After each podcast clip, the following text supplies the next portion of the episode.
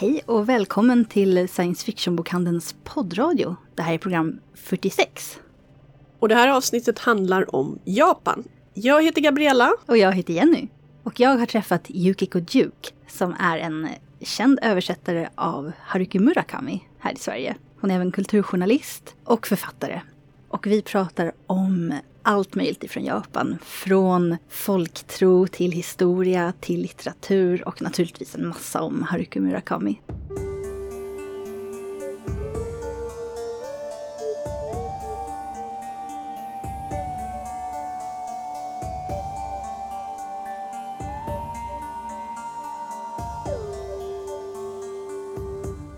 Ja, och vi avslutar också programmet med två science fictioniga julklappstips från våra kollegor Spen och Glenn i Göteborg. Förhoppningsvis så är det lite inspiration inför jul. Då klipper vi över till Jenny och Yukiko Dukes samtal. Idag har vi också med oss Yukiko Duke, kulturjournalist, författare, översättare av bland annat Haruki Murakami, som du kanske är mest känd för i Sverige då. Men hur skulle du själv beskriva det du gör?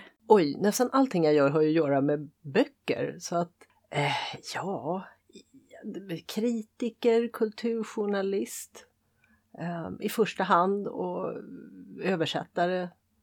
Du har ju jobbat med flera olika priser och så också, eller hur? Då? Det har jag gjort, så att jag har dels jobbat med eh, tidningen Vis litteraturpris och sen har jag jobbat en del med Augustpriset också, suttit i jury i några omgångar.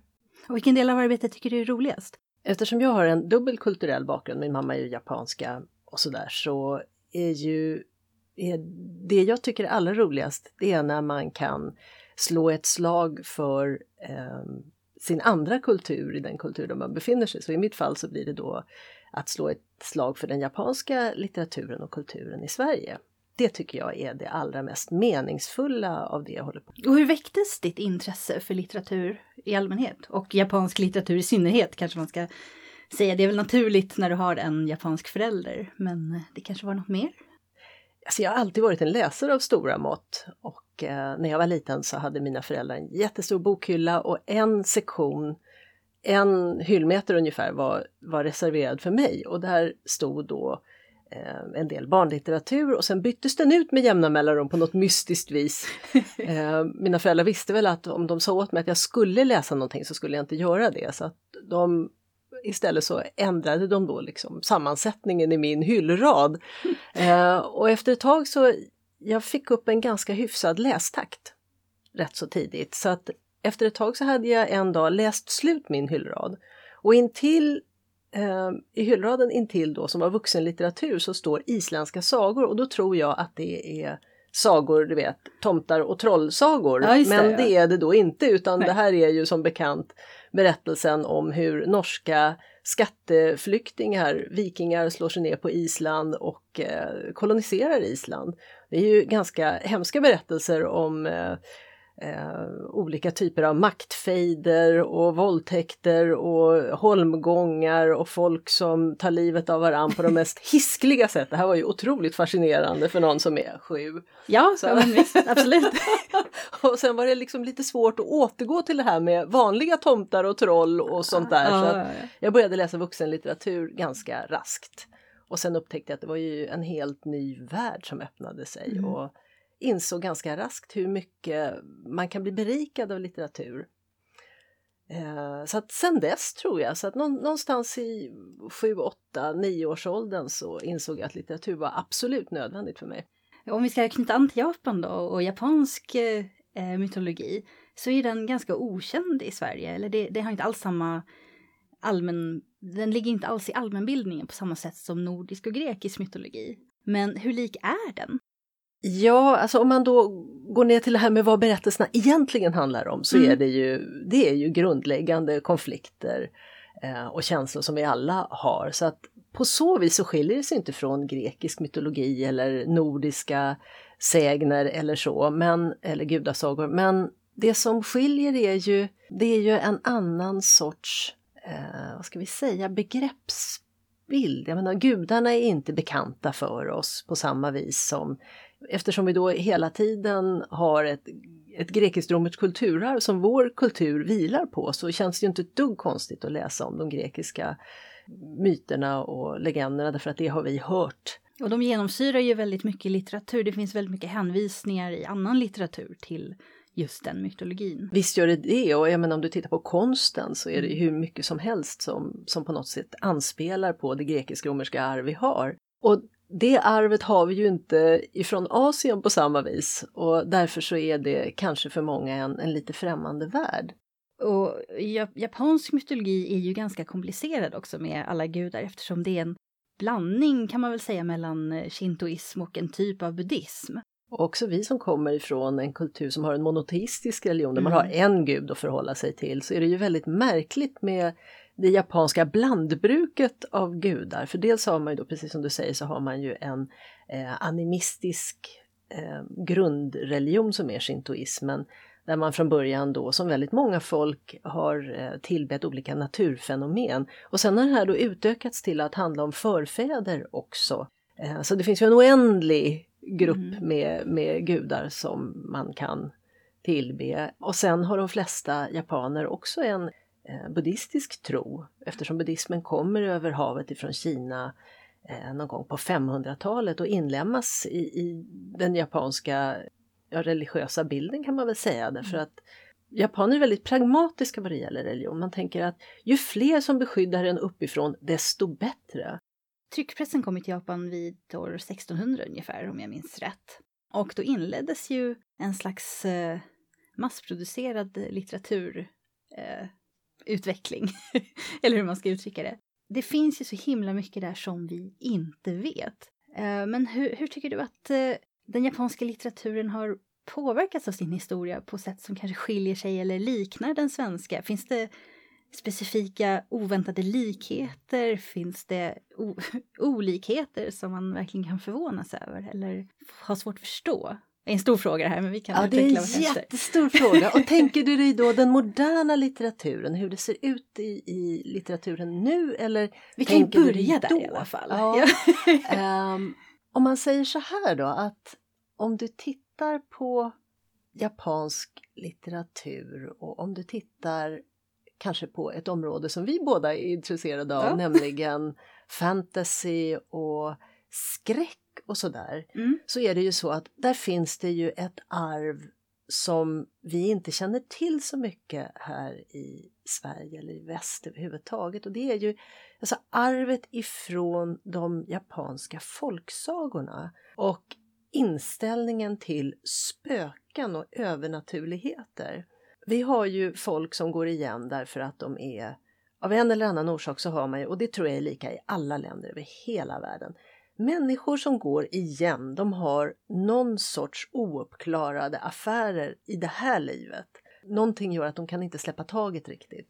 I Japan är majoriteten av alla spöken eh, har ont i sinnet. Mm. Det är väldigt få snälla spöken. ja. Jaha, jag har inte tänkt på det. Jag har, jag har ändå läst en del men ja. ja nu när du säger det, absolut. Ja, det är väldigt, väldigt sällan du har snälla spöken utan ja. ofta så är det bitterhet, eh, hämndbegär eller någonting annat som gör att man går igen. Och det här är en sorts jag pratade med en marockansk vän som talade om hur svårt det var att få franska vänner att förstå att han känner sig som att han, han lever i en dimension.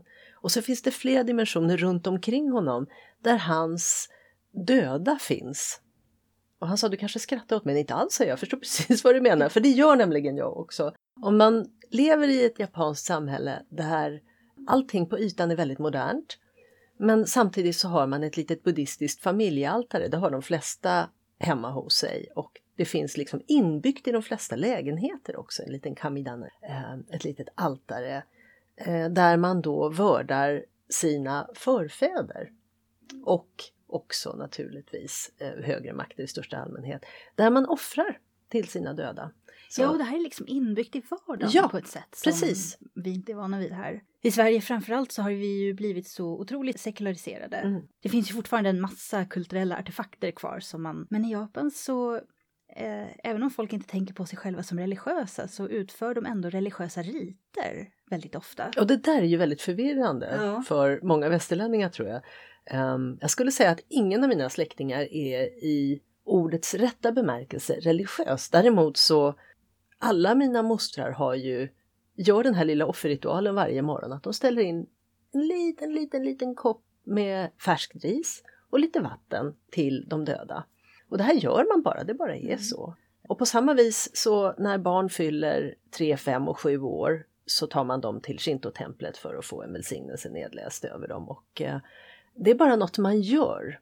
Ja, men lite som man kanske förr i Sverige då, innan kristendomen här också, att man eh, hade vardagsblot. Man offrade lite gröt på morgonen till exempel. Men vi vet ju så lite om det där så det är svårt att säga om du...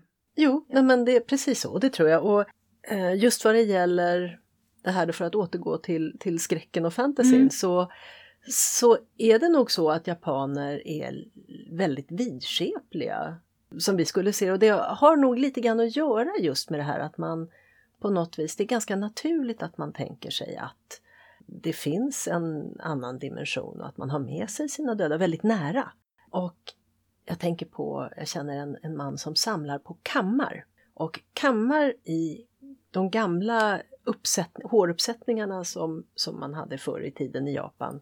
Eh, det vet alla som har tittat på träsnitt någon gång hur otroligt konstfärdigt kvinnorna satte upp sina hår.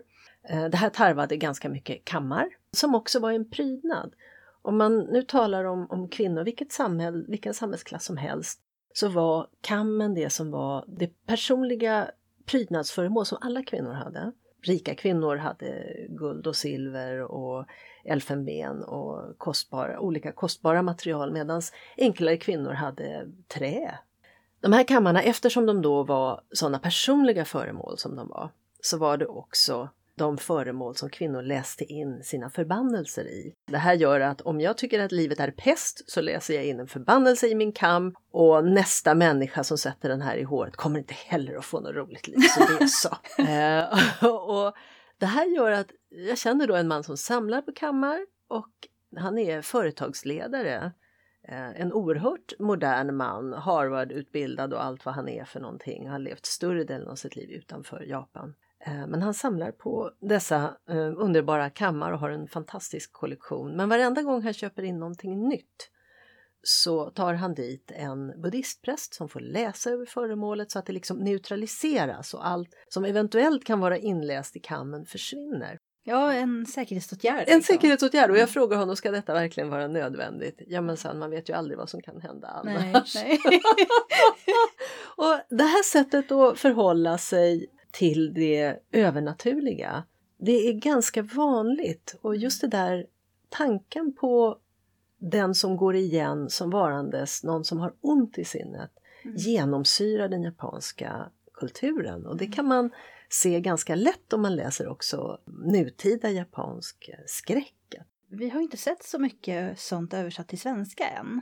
Eh, men finns det någon författare som du skulle, eller som du har som bra exempel på just det här? Som du har Oj, läst? ja men det finns ju hur mycket som helst. Mm. Det som ligger nära till hand det är ju Koji Suzuki, han som skrev eh, originalet, alltså originalberättelsen till The Ring. Som har gjort en mm, stor succé både i japansk och amerikansk version. Ja, för när det gäller film så är, har det varit lite lättare, just skräckfilm ja. framförallt. Det blev ju en eh, inte bara Japan men en asiatisk skräckvåg för några år sedan när folk blev väldigt intresserade av eh, de berättargrepp som kom därifrån.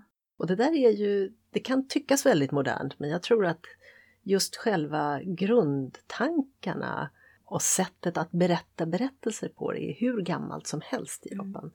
Så de japanska eh, gamla spökberättelserna ligger ju förvånansvärt nära The Ring. Ja, och det där ser man ju mycket om man eh, läser manga ja. som väldigt många här gör. Och eh, vad jag känner så blandar japansk litteratur, eller framförallt i alla fall i manga då, blandar genrer på ett väldigt eh, roligt sätt. Det kan vara liksom fantasy med skräckinslag. Ibland blandar de ju fantasy och science fiction också. Deras fantasy ligger inte alltid på den här pseudomedeltida feodalsamhällesnivån heller, utan det kan vara liksom 1700-talsinspirerat vad som helst. Men det kan också vara mysiga, finstämda serier fast med just de här spökinslagen. Jag tänker framförallt på en som heter Natsume Yujincho och som verkligen har det här familjetema och vardagsliv. Men han kan också se de här övernaturliga varelserna och hjälpa dem och de är oftast inte särskilt vänligt sinnade. Även de som är hans allierade är ju farliga. Den här komplicerade dubbelheten finns med överallt. Och det där är ganska typiskt skulle Mm. jag säga. Eh, jag tänker på alla små väsen, hela den japanska folkloren är ju naturligtvis precis som den svenska fylld av en massa väsen. Vi har näcken här, i Japan har man kappa som är en liten grön varelse som beskrivs som lite groddliknande men han är stor som ett barn och på huvudet har han en liten skål som ständigt måste vara fylld med vatten för annars kan kappa inte tänka. Och Kappa befinner sig alltså i närheten av vattendrag precis som Näcken och ställer till en massa bus.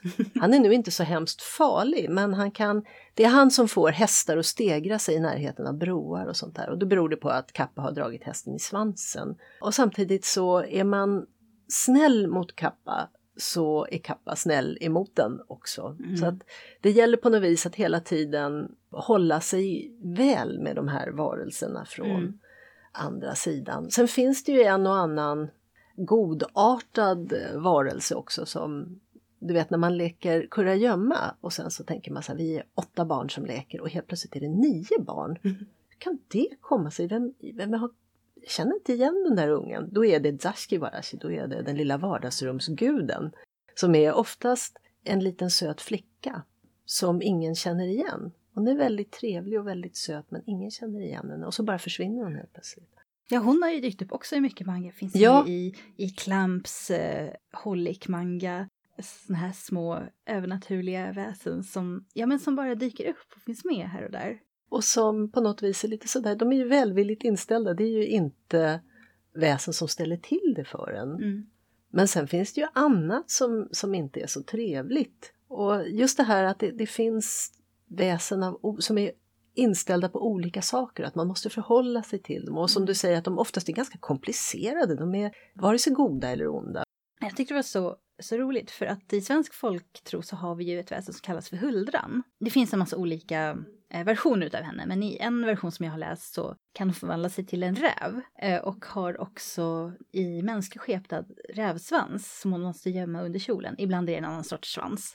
I mycket manga och anime så förekommer ju den här yokon eller kitsunen som är en slags rävvarelse som är magisk, kan förvandla sig till en människa lurar med sig dödliga på olika sätt och försöker ställa till det för dem. Och just de typerna av väsen tyckte jag var så väldigt lika varandra. Och då tänker jag att både Japan och Sverige är bondesamhällen från början. Räven är ett djur som man måste förhålla sig till. Räven är förslagen. Eh, räven kommer och slår till mot ens hönshus både i Japan och i Sverige. Och man tänker att man ska lura den och så sätter man ut fällor. Den går aldrig i fällorna. Det är ett ovanligt intelligent djur och det där har man då förhållit sig till tror jag genom att berätta om de här eh, djuren på ett alldeles, alldeles speciellt sätt. Man ger dem en särställning. Det är så roligt att läsa japansk manga-litteratur och så för att man kan se så många likheter och sen så kommer vara någonting helt annat eftersom det ändå är en kultur som är, har helt andra influenser som till exempel då mytologin som vi pratade om, men också de stora litterära verken. Vi har Bibeln naturligtvis, grekisk mytologi, andra kända romaner som senare författare alltid hänvisar till. Men i Japan och i Östasien finns ju helt andra stora verk som är nästan till okända här. Till exempel Resan till Väster, som influerar typ allting i manga. Finns det några fler som verkligen influerar den japanska översatta litteraturen som vi läser utan att vi vet om det? Ja, alltså det finns ju en hel del, men jag skulle säga att man förhåller sig mycket till berättelsen om Genji. Genji Monogatari som skrevs på 1000-talet och som är världens första, sägs det, jag-roman. Där berättarperspektivet är prins Genji som då av olika skäl Ja, han, han lever ett hovliv och han umgås med diverse damer och han beskriver sitt liv. Ja, han är med om en massa, massa äventyr. Ja, Ja, och eh, Murasaki Shikibu som var en pseudonym, man vet inte riktigt vem man är, man tror att man har ringat in henne. Hon skriver ju en väldigt modern berättelse egentligen. Och det här förhållandet, alltså berättelsen om Genji finns ju i fyra eller fem eh, manga-versioner. Eh, antingen delar av eller hela. Och det är ett verk som man ständigt på olika vis återkommer till i Mm. japansk litteratur och japansk kultur. Finns det någon översättning till svenska av den? Nej, jag vet att det finns flera japanologer som tänker sig att de ska översätta. Men nu är det ju ändå eh, tusental, tusentals japanska så att det är väl det som kanske lägger...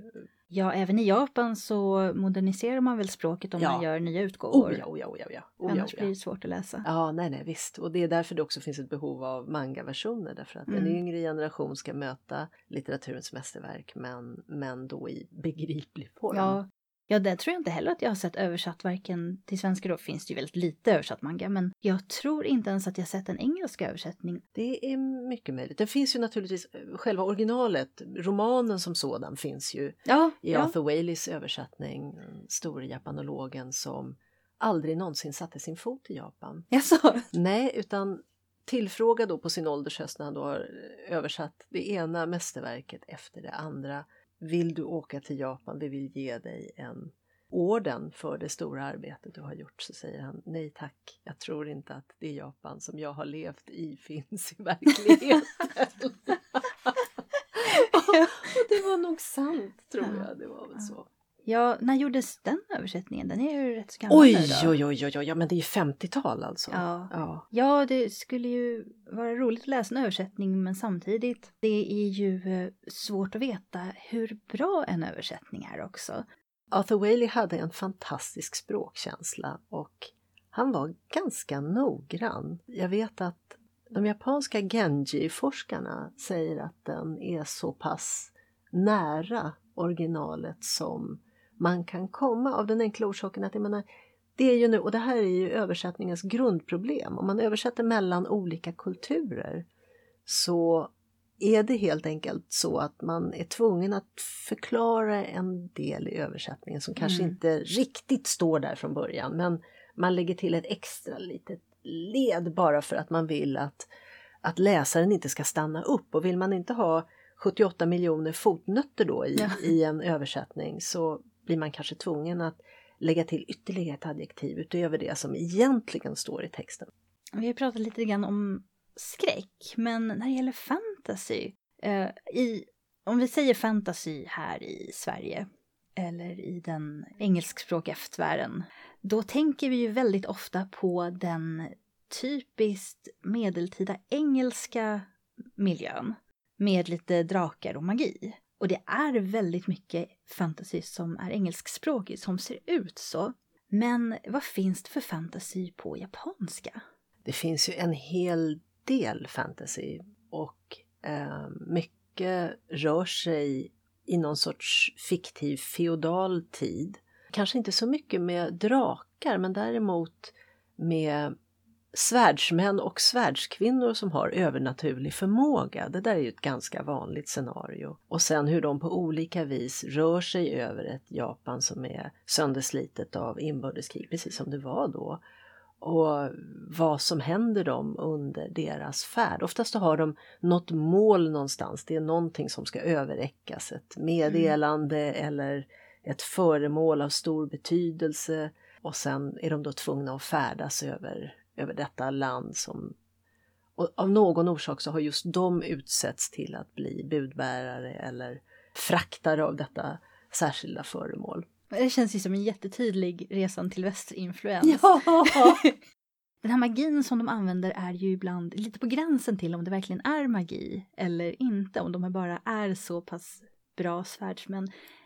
Och ibland så har ju med det här med den här inneboende kraften som det är lite osäkert om det faktiskt finns i verkligheten eller inte. Så det är svårt att säga om det verkligen är fantasy. Men någonting som är vanligt är ju också att eh, verkliga historiska personer och händelser finns ju med. Det utspelar sig ju i de perioderna. Det är inte bara liksom en version av en fantasyvärld som ser ungefär ut som feodalsamhällets Japan, utan det är där, det är bara lite annorlunda mot vad det kanske var. Och det är ju tvärtom, tycker jag, mot eh, den här typiskt anglosaxiska fantasyn kanske man ska säga. För det är ju aldrig medeltida England. Det kan vara väldigt inspirerat av det, men det är ju oftast nästan alltid en annan värld. Det är ju inte riktigt så att Rickard den tredje helt plötsligt dyker upp Nej. någonstans som en, den reella eh, person han var och sen är fantasygestalten på något vis har med honom att göra. Det händer ju inte, men i japansk eh, fantasyvärld så gör det ju det. Och det tror jag har lite grann att göra med att man har liksom inga problem med att blanda verklighet och fantasy. På samma vis som man inte har några problem med att se att det skulle vara svårt att kombinera ett jobb som, vad ska vi säga, som ingenjör på ett dataföretag med att tänka att det finns spöken och fullt och fast tro på detta. Så... Ja precis, de här skiljelinjerna är verkligen inte så tydliga. Nej. Utan allting, eh, det går lite i varandra och eh, kan ses som en del av en helhet. Eh, och den här genren som brukar kallas för magisk realism, den är lite svårgripbar tycker jag. Men den är väl ganska så vanlig i Japan, om man oh ja. kalla det för det. Jag översätter ju Haruki Murakami. Murakami får ju ofta, både i USA och i Sverige, då höra att han är en magisk, en modern magisk realist. Om man frågar honom själv om han är en magisk realist så säger han, det vet jag inte, jag skriver ungefär som jag ser världen. Och det här tror jag är någonting som man inte riktigt har förstått i väst, att för honom är det här rätt så naturligt. Han skriver bara tvärs av vad han känner och tycker att han upplever. Så att det är en sorts en psykologisk, om vi säger att det är en psykologisk realism, även fast det kanske inte är en faktisk realism, snarare än en magisk realism, så tror jag att man kommer sanningen ganska nära. Han skrev för några år sedan en reportagebok, för han varvar ju reportageboksskrivande med skrivande av fiction och det här, tyvärr så är så väldigt lite av hans reportageböcker översatta. Ingen till svenska och någon bara till, till engelska. Men han var i ett område på gränsen mellan Kina och Ryssland där det utspelades ett fruktansvärt slag där den japanska armén var inblandad och japanerna blev kringrända och nedgjorda. Och det står fortfarande rostiga pansarvagnar kvar och det här vill han titta på så att han åkte dit. Och mitt i natten så blir det jordbävning. Men det är ingen som har upplevt den här jordbävningen utom han. Och det här för honom är ett järtecken. Och det tycker han är fullständigt naturligt. Han har skrivit om det och han, han menar att det är kanske en, en psykologisk, eh, vad ska man säga, en sorts, eh, något sorts posttraumatiskt för att han tyckte att det var så fruktansvärt obehagligt och så fruktansvärt sorgesamt att befinna sig på den här platsen. Mm. Men han sa också att han kunde känna att den var laddad, ja. att det fortfarande fanns så mycket ångest i det där området som han rörde sig i och att det på något vis satte sig i honom. Ja, jag, jag känner ju själv när jag läser Murakami att det är väldigt lätt att bara dras in i, i hans värld. Just den här, ja men som du säger, psykologisk realism. Eh, som, det funkar verkligen. Det spelar liksom ingen roll att det som händer med talande katter och så, man, man vet, ja men det kan inte hända i verkligheten, men när man läser boken så känns det som att jo men det kan det visst göra. Och där, för mig är det, det är därför han funkar så bra för mig, just för att jag, jag, det känns på riktigt när jag läser det. Du har ju själv översatt mycket Murakami då. Inte allt som översatts till svenska, men det mesta, eller hur? Eh, vi är, det är jag och min mamma som översätter ihop mm. och sen så sitter Vibeke Emond som är en fantastisk översättare som översätter mestadels klassisk japansk litteratur och har översatt eh, tidig hovlitteratur. Men jag har ju hört att översättningarna på svenska låter lite annorlunda än till exempel översättningarna på engelska. Vad beror det på? Amerikanska översättarna har en tradition där man tar sig ganska stora friheter med originalet. Eh, de har en bild av Haruki Murakami som hipp. Okej. Okay. Haruki Murakami är inte hipp. Han är en ganska poetisk person. Och det här gör att för japaner det som är kännetecknande för Murakami är en väldigt märklig blandning av en sorts spröd poetisk ton och en ganska stor brutalitet i skeenden. Mm. Och det här på något vis är Murakami.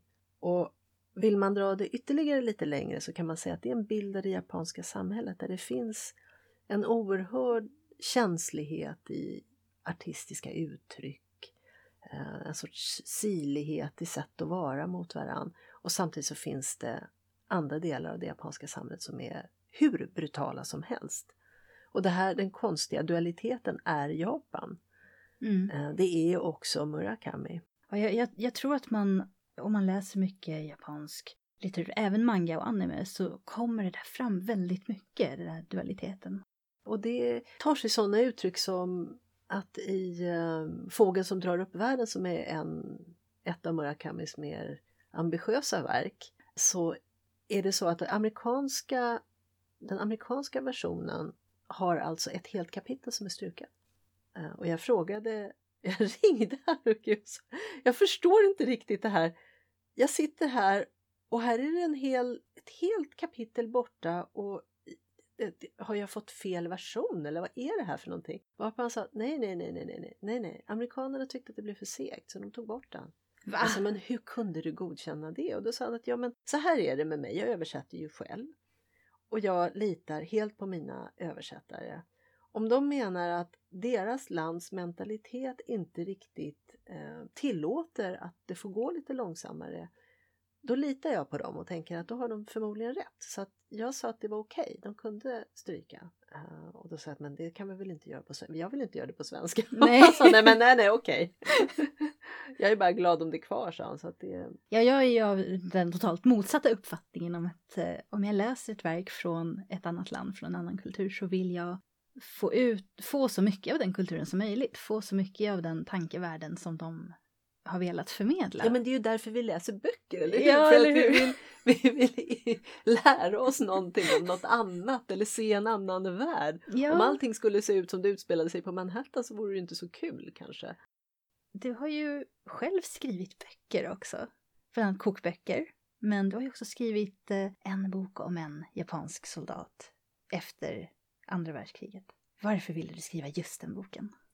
Ja, alltså jag tycker ju att det är lite intressant med krigshistoria Mm. eftersom berättelsen om krig skrivs alltid av den som har segrat i kriget. Mm. Eh, Det finns en hel del detaljer runt Japans deltagande i andra världskriget som har blivit lite skeva i återgivandet. Jag var på väg hem ifrån Japan, hade köpt med mig en massa tidningar. Det finns en, en reportageserie, det är precis, jag kommer inte ihåg hur många år det är sedan andra världskriget, men det är i alla fall något sånt där jubileum. Och så finns det då en serie om våra stora befälhavare. Det är ungefär i det här numret tio sidor med bilder av militärer som ser hur tråkiga ut som helst. Men mitt bland de där så finns det en man som möter blick som ser ut som en människa och infälld i bilden av honom så finns det en liten, liten teckning. Och den är väldigt fint tecknad. Det är en liten pojke som står vid en trehjuling. Och när jag tittar närmare så står det Generallöjtnant Kuribayashi tecknade hem till sin son under den tid då han befann sig som militärattaché i Washington på 30-talet. Och då tänker jag, vem är det här? Det är ju en människa. Och dessutom är han ganska konstnärligt begåvad. Och då visar det sig att det är den person som förde befälet på Iwo Jima, där denna lilla, lilla, lilla ö som kom att bli så betydelsefull för att den hade en sak, den hade landningsbanor. Och när amerikanerna tänkte sig i krigets slutskede att de skulle bomba Tokyo så låg den här ön perfekt till för att man skulle kunna mellanlanda och fylla på bränsle. Och därför blev den strategiskt intressant. Och japanerna inser att de måste hålla den här ön till varje pris och de skickar dit ett taktiskt geni som är denne Kuribayashi som en anmärkningsvärd människa som under sin sin period, några år i USA, eh, inser att han tycker bättre om amerikaner än om japaner och att han i själva verket i själen är amerikan. Åker tillbaka till Japan med en trave jazzskivor, en massa amerikansk litteratur och längtar tillbaka något så fruktansvärt. Men han blir placerad i Manchuriet, visar framfötterna i kriget där och placeras då i krigets slutskede i på Iwo Jima för att man inser att den här ön kommer att utsättas för ett fruktansvärt försök till invasion från amerikansk sida. Men han var en, en märklig man och eh, på många vis en, en stor humanist och därför ville jag skriva om honom. För att visa att det var inte så att alla japanska militärer var onda och bara lydde order utan att tänka efter. Den här mannen lydde order därför att han hoppades få slut på kriget så snabbt som möjligt. Jag, jag tror att det är en av eh, de värsta konsekvenserna av att se krig som de goda mot de onda. Det är ju att väldigt många av de här berättelserna bara försvinner. Tycker jag. Ja, så det är lite viktigt att det förs fram tror jag. Uh, jag kommer ihåg fortfarande, det där gjorde så ont, jag kom ner i det japanska krigsarkivet. Varpå arkivchefen, den biträdande arkivchefen och fyra arkivarier kommer springande. Och jag tänker, nu har jag gjort någonting fel. Jag har tagit i, i någonting utan att ha de här vita bomullshandskarna som man blir utrustad liksom, med. Jag har gjort något fel och oj, oj, oj, nu blir jag utslängd. Men inte, utan de kommer fram och så säger de, vilket land kommer du ifrån? Är du amerikan? Är du engelsman? och jag säger, nej, jag är vare sig det ena eller det andra, jag är svensk. Och då säger de, ja, du förstår, det är så fantastiskt att ha dig här. Du är den första västerlänning som är här. Och då tänker jag, under alla dessa år efter kriget så har det alltså inte varit en enda västerlänning nere i krigsarkivet. Mm. Ja, Hur kan det komma sig? Finns det några specifika författare som du verkligen skulle vilja översattes till svenska? Eller engelska, men, men svenska då. Oj, oj, oj, oj, oj, oj. Ja, det finns ju hur många som helst. Menar du specifikt inom det här fältet som du och jag tycker om då, om man tänker fantasy, skräck? Ja, gärna. Ja. Jag kan börja med rekommendationer där i alla fall om du har några. Ja, alltså jag tycker ju att Miyuki Miyabe som, ja. som då skriver både deckare eh, fantasy, att hennes fantasyböcker, hon har skrivit en hel del som är riktigt bra. Eh, hon har skrivit också för ungdomar så att hennes ung vuxen litteratur vore ju kul att översätta. Ja, Vad är det för slags fantasy hon skriver? Alltså hon skriver ju, hon skriver mycket i den här perioden med, med slott och, och inbördeskrig, alltså japansk medeltid helt mm, enkelt. Mm. Men det handlar väldigt ofta om människor som inte är länsherrar utan normala stadsbor och hur de ah. förhåller sig till saker och ting.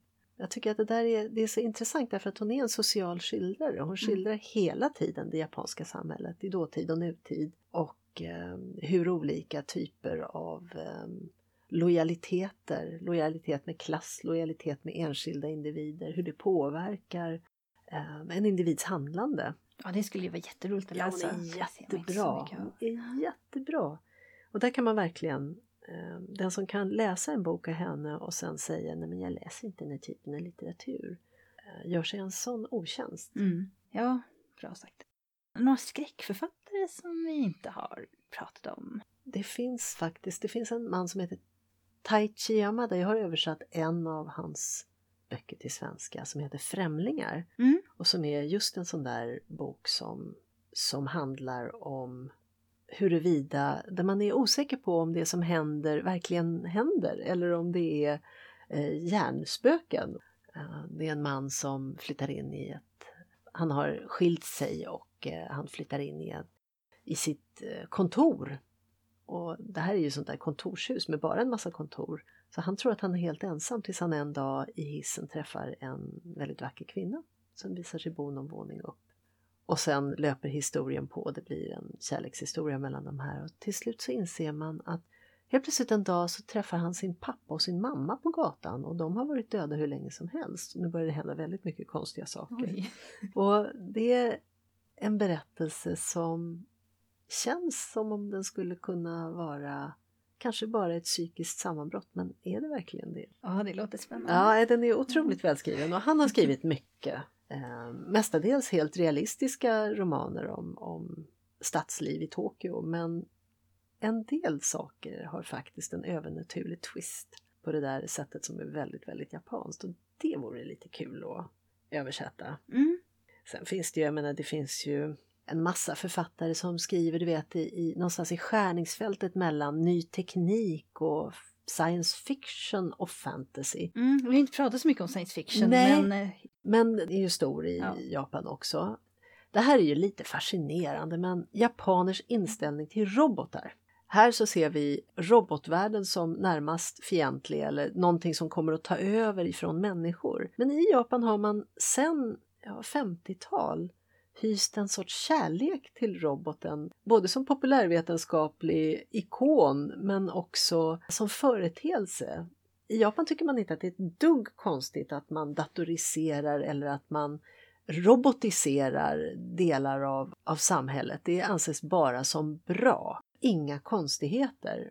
Men samtidigt så inser man ju att det finns vissa begränsningar med robotiseringen som man gjorde en, en robot som var väldigt människolik som hjälpte till på ålderdomshem. Med de tunga lyften, du vet, när man, det, det ja. som sabbar ryggarna på alla sjukvårdsbiträden. Och då tänkte man på, man utvecklade en robot som såg ut som en människa som kunde säga vissa enkla fraser, alltså hur är det idag och sådär. Och så införde man den på prov på en eh, långvårdsklinik. Mm.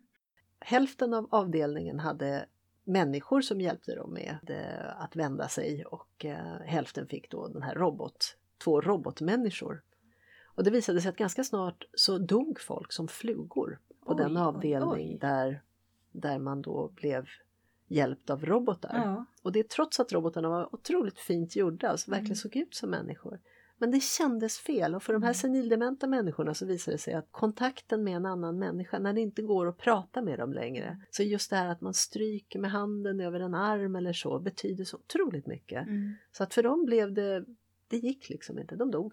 Ja, det, det är ju verkligen en av de sakerna som inte går att ersätta. Nej, men annars så, så är ju robotar bara av godo i Japan. Mm där man nu testar allt ifrån nyhetsuppläsare som ser ut som rob alltså robotar som ser ut som nyhetsuppläsare till eh, banktjänstemän som ska klara av de enklaste insättningarna och mm. uttagningarna.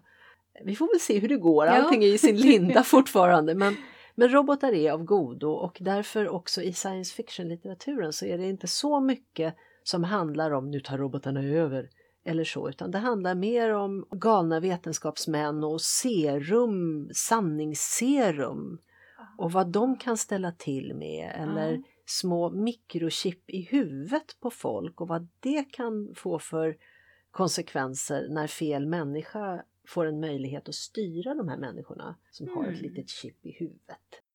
Överhuvudtaget så tänker jag att, att just science fiction och fantasy säger väldigt mycket om samhällen.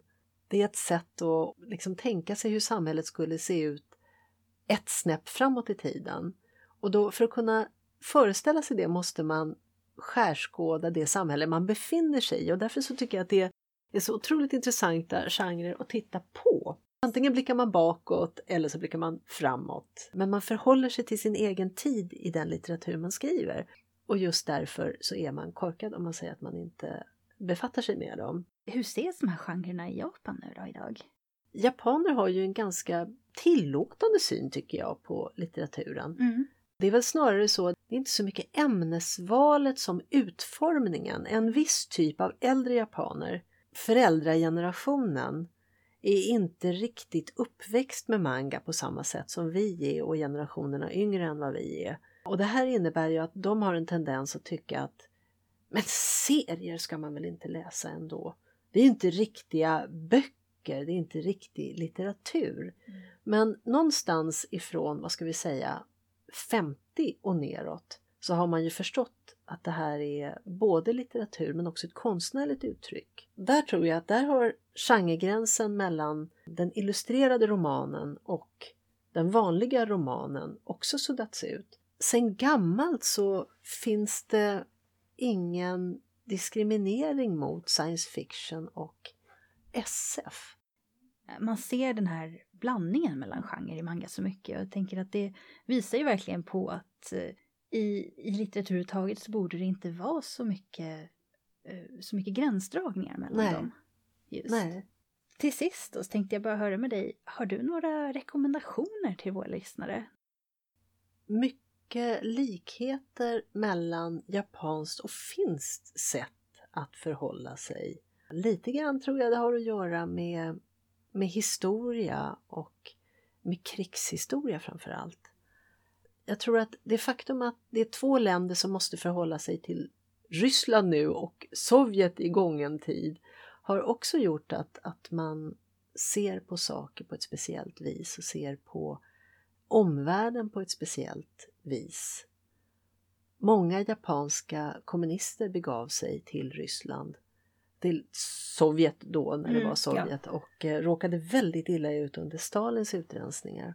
Och samma sak många, många unga kommunistiska finländare blev väldigt, väldigt illa behandlade i Finland efter inbördeskriget där den röda sidan, alltså kommunisterna, ju förlorade mot den vita sidan och många hamnade i läger och det var e-, eländigt och de skidade över till Ryssland så småningom. Bara för att ut, utrensas eh, av Stalin.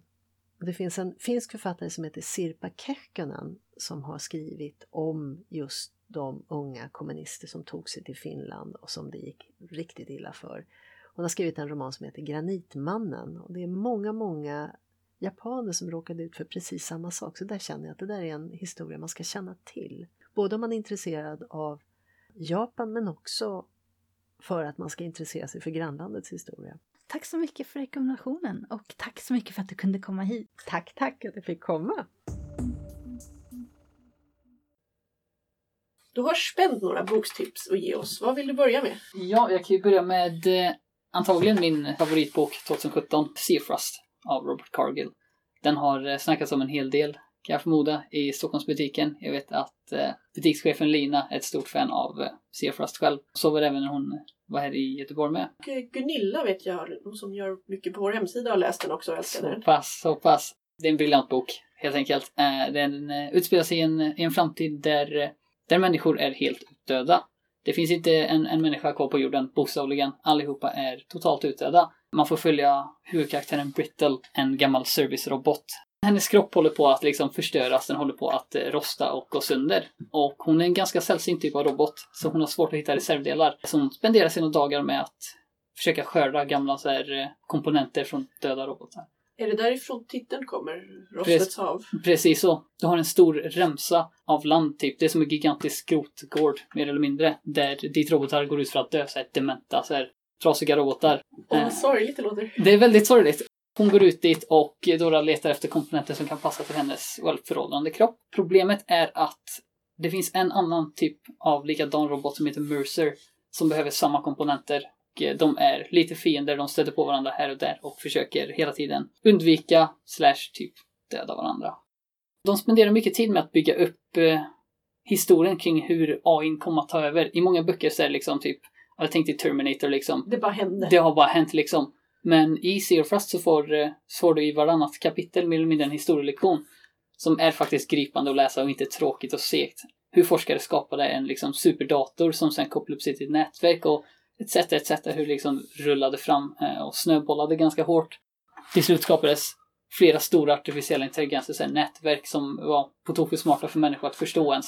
Det är en del actionpartier, men framför allt är det väldigt mycket så här typ, är det rätt det jag gör? De är, de, de är ju till mångt och mycket människor liksom. Jag brukar säga att Seafrost, trots att det bara är en massa robotar, lär en ganska mycket om mänskligheten ändå. Det är en väldigt bra bok, tycker jag. Tack för tipset, den låter jättespännande. Den är fantastisk. Sen hade du ett boktips till. Ja, det hade jag. Den heter Seven Deaths of Evelyn Hardcastle. Stuart Turton är författaren. Jag vet inte riktigt vad jag ska kalla den för, eh, för genre. Den är ganska genreöverskridande. Typ en deckare, men samtidigt har den fantasy-element. Well, det handlar om en snubbe som vaknar mitt i natten i skogen. Han vet inte vem han är. Han minns ingenting. Han vet bara att han vaknar i natten i skogen. Han ser en kvinna bli jagad av en man i svart. Kvinnan skriker till. Han har ett pistolskott och kvinnan är död liksom. Han fryser fast i skogen där. Och eh, den här mannen då som har mördat den här kvinnan smyger upp bakom honom och sätter något i hans ficka och säger gå österut. Det visar sig att han har satt en kompass i hans ficka. Han plockar upp den, går österut och hittar en villa mitt ute i skogen. En gigantisk, väldigt flashig, så fin villa. Han knackar på dörren. Personerna inne i villan då känner igen honom. Han vet inte vilka de är, men de vet vem han är. Snart visar det sig att det är en bal samma kväll. Det här är tidigt, tidigt på morgonen är det.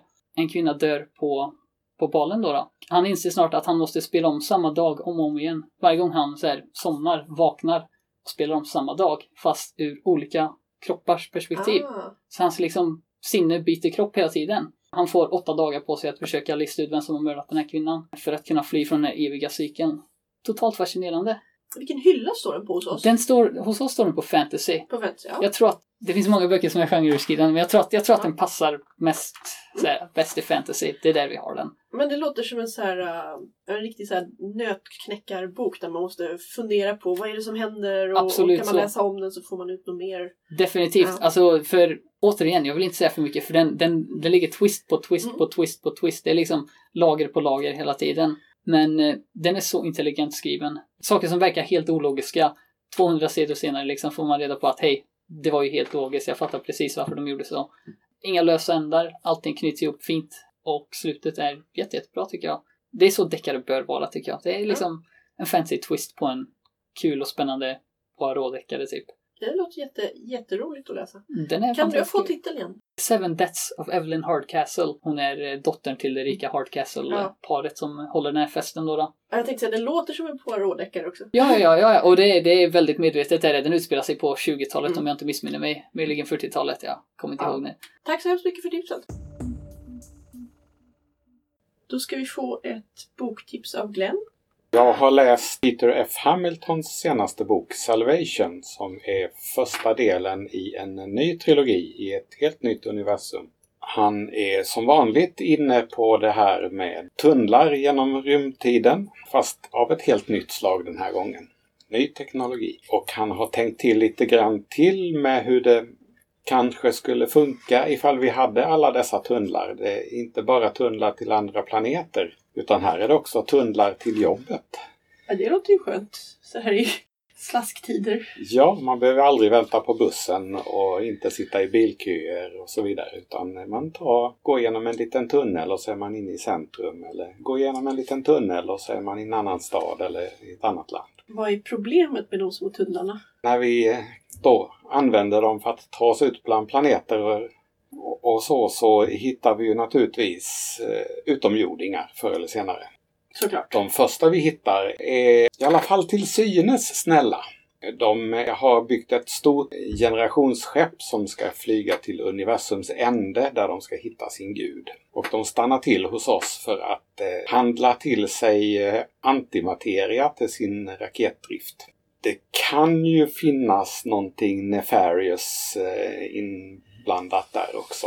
Det finns fler sorters utomjordingar där ute. Jag förstår. Är det en fristående eller del i en serie? Det är första delen i en blivande trilogi har han sagt.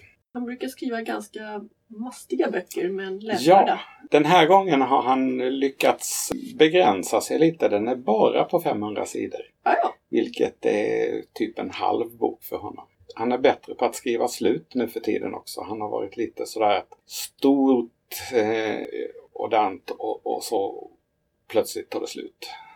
Men nu har han lärt sig. Nu har han lärt sig. Nu knyter han ihop det i lite mer god tid och låter slutet ha sin egen inneboende logik. Så att den var en trevlig läsning och ingen eh, fantasy inblandad. Som... Och du hade ett till boktips till oss. Ja, en annan alldeles ny bok. Författaren Richard Morgan har kommit med en ny bok efter en tids uppehåll på författandet. Och det här är Richard Morgan som vi kanske känner igen från Netflix med Altered Carbon. Densamme. Och eh, som vi känner igen från Altered Carbon så är det en hård och tuff hjälte i huvudrollen. Hjälte kanske är att, att ta i, vi säger huvudperson istället. Eh, Han är inte alltid så trevlig men han strider för den rätta sidan i alla fall. Det är en värld som eh, ligger några hundra år fram i tiden. Solsystemet är hyfsat befolkat. Folk har koloniserat en bra bit ut. Vår huvudperson, som, som svensk så kan man ha lite svårt för hans namn. Han heter Hakan Veil. Man får låtsas att det är ett å där som de bara Ja. censurerat bort. Oftast så kallas han bara Veil eller Hack. Man, man lär sig leva med det. Vår vän Hack, han är uppfödd, eh, framodlad som en slags säkerhetsvakt på rymdskeppen. Så fort något problem uppstår så väcks han ur sin kryosömn och eh, har ett uppdrag, rädda skeppet. Vilka som går åt på vägen, det är inte så noga. Han har bara uppdraget rädda skeppet. Men han har sin eh, beskärda del av blodsutgjutelse bakom sig. Tills en dag när han råkar ha förbarmande om en av eh, de som borde ha gått åt enligt eh, hans uppdragsgivare. Han blev avskedad och dumpad på Mars som är delvis bebott. En djup dal har man lyckats överbrygga med någon slags luftinneslutande teknologi så att eh, under detta täcke så finns det bebyggelse och städer. Där tar han sig fram genom diverse mer eller mindre legala metoder. Vi möter honom när han eh, på uppdrag från en kinesisk triad har ihjäl en gangsterboss. Och Sen så som väntat blir han satt i fängelse för detta medan utredning pågår. Han håller just på att deala med sina sin uppdragsgivare om eh, hur snabbt de kan få ut honom. När plötsligt dörrarna öppnas, den arresterande polisen sliter ut honom och säger Du har fått ett uppdrag. Eh, eh, ja men, ja men, ja men, eh, ja okej då. Och så visar det sig att eh, Mars har fått besök av en eh, revisionsenhet från jorden som ska undersöka hur pass korrupta de är och om allting står rätt till. Och eftersom hela Mars ekonomi består av korruption från början till slut så ja, de har lite att göra där. En av eh, eh de så kallade revisorerna då eh, får Hakan uppgift att vara bodyguard. Ah. och hon tycker naturligtvis inte att hon behöver någon för att hon tycker att hon är tuff nog själv. Men han följer sitt uppdrag till viss del. Vid ett tillfälle så säger hon att ah, nu ska jag sitta på det här kontoret och, och prata med de här människorna hela dagen. Vi hörs ikväll när jag ska tillbaka till hotellet. Så han går hem och tar det lugnt hemma hos sig och får höra att, på nyheterna att eh, hon är bortförd. Samtidigt försöker någon spränga honom i luften. Sammanträffande? Hmm, I think not så består resten av boken av att han försöker ta reda på vad är det som pågår egentligen. Alla försöker lura alla. Han gräver tills han kommer till botten av konspirationerna och mycket liv i luckan blir det. Det kan jag tänka mig. Morgan brukar ju skriva bra hårdkokt action vare sig det är fantasy eller science fiction. Ofta ganska politiska undertoner också. Ja, det är det ju här också. Man kan eh, lätt ana mm, vilken karaktär som har blivit färgad av eh, vissa presidenter och ja, lite Brexit med Mars förhållande till jorden och ja, du vet. Det, ja. det är inte så svårt att hitta eh, metaforer och paralleller här. Nej, men man måste inte leta efter dem för att njuta av. Man kan läsa den som rak, hårdkokt action. Han kan sin eh, Dashiell Hammett, den hårdkokta traditionen bakåt också. Det var allt för det här programmet. Och vill ni ge oss en trevlig julklapp så ge oss gärna en recension eller en like där ni brukar lyssna på poddradio. Hej då!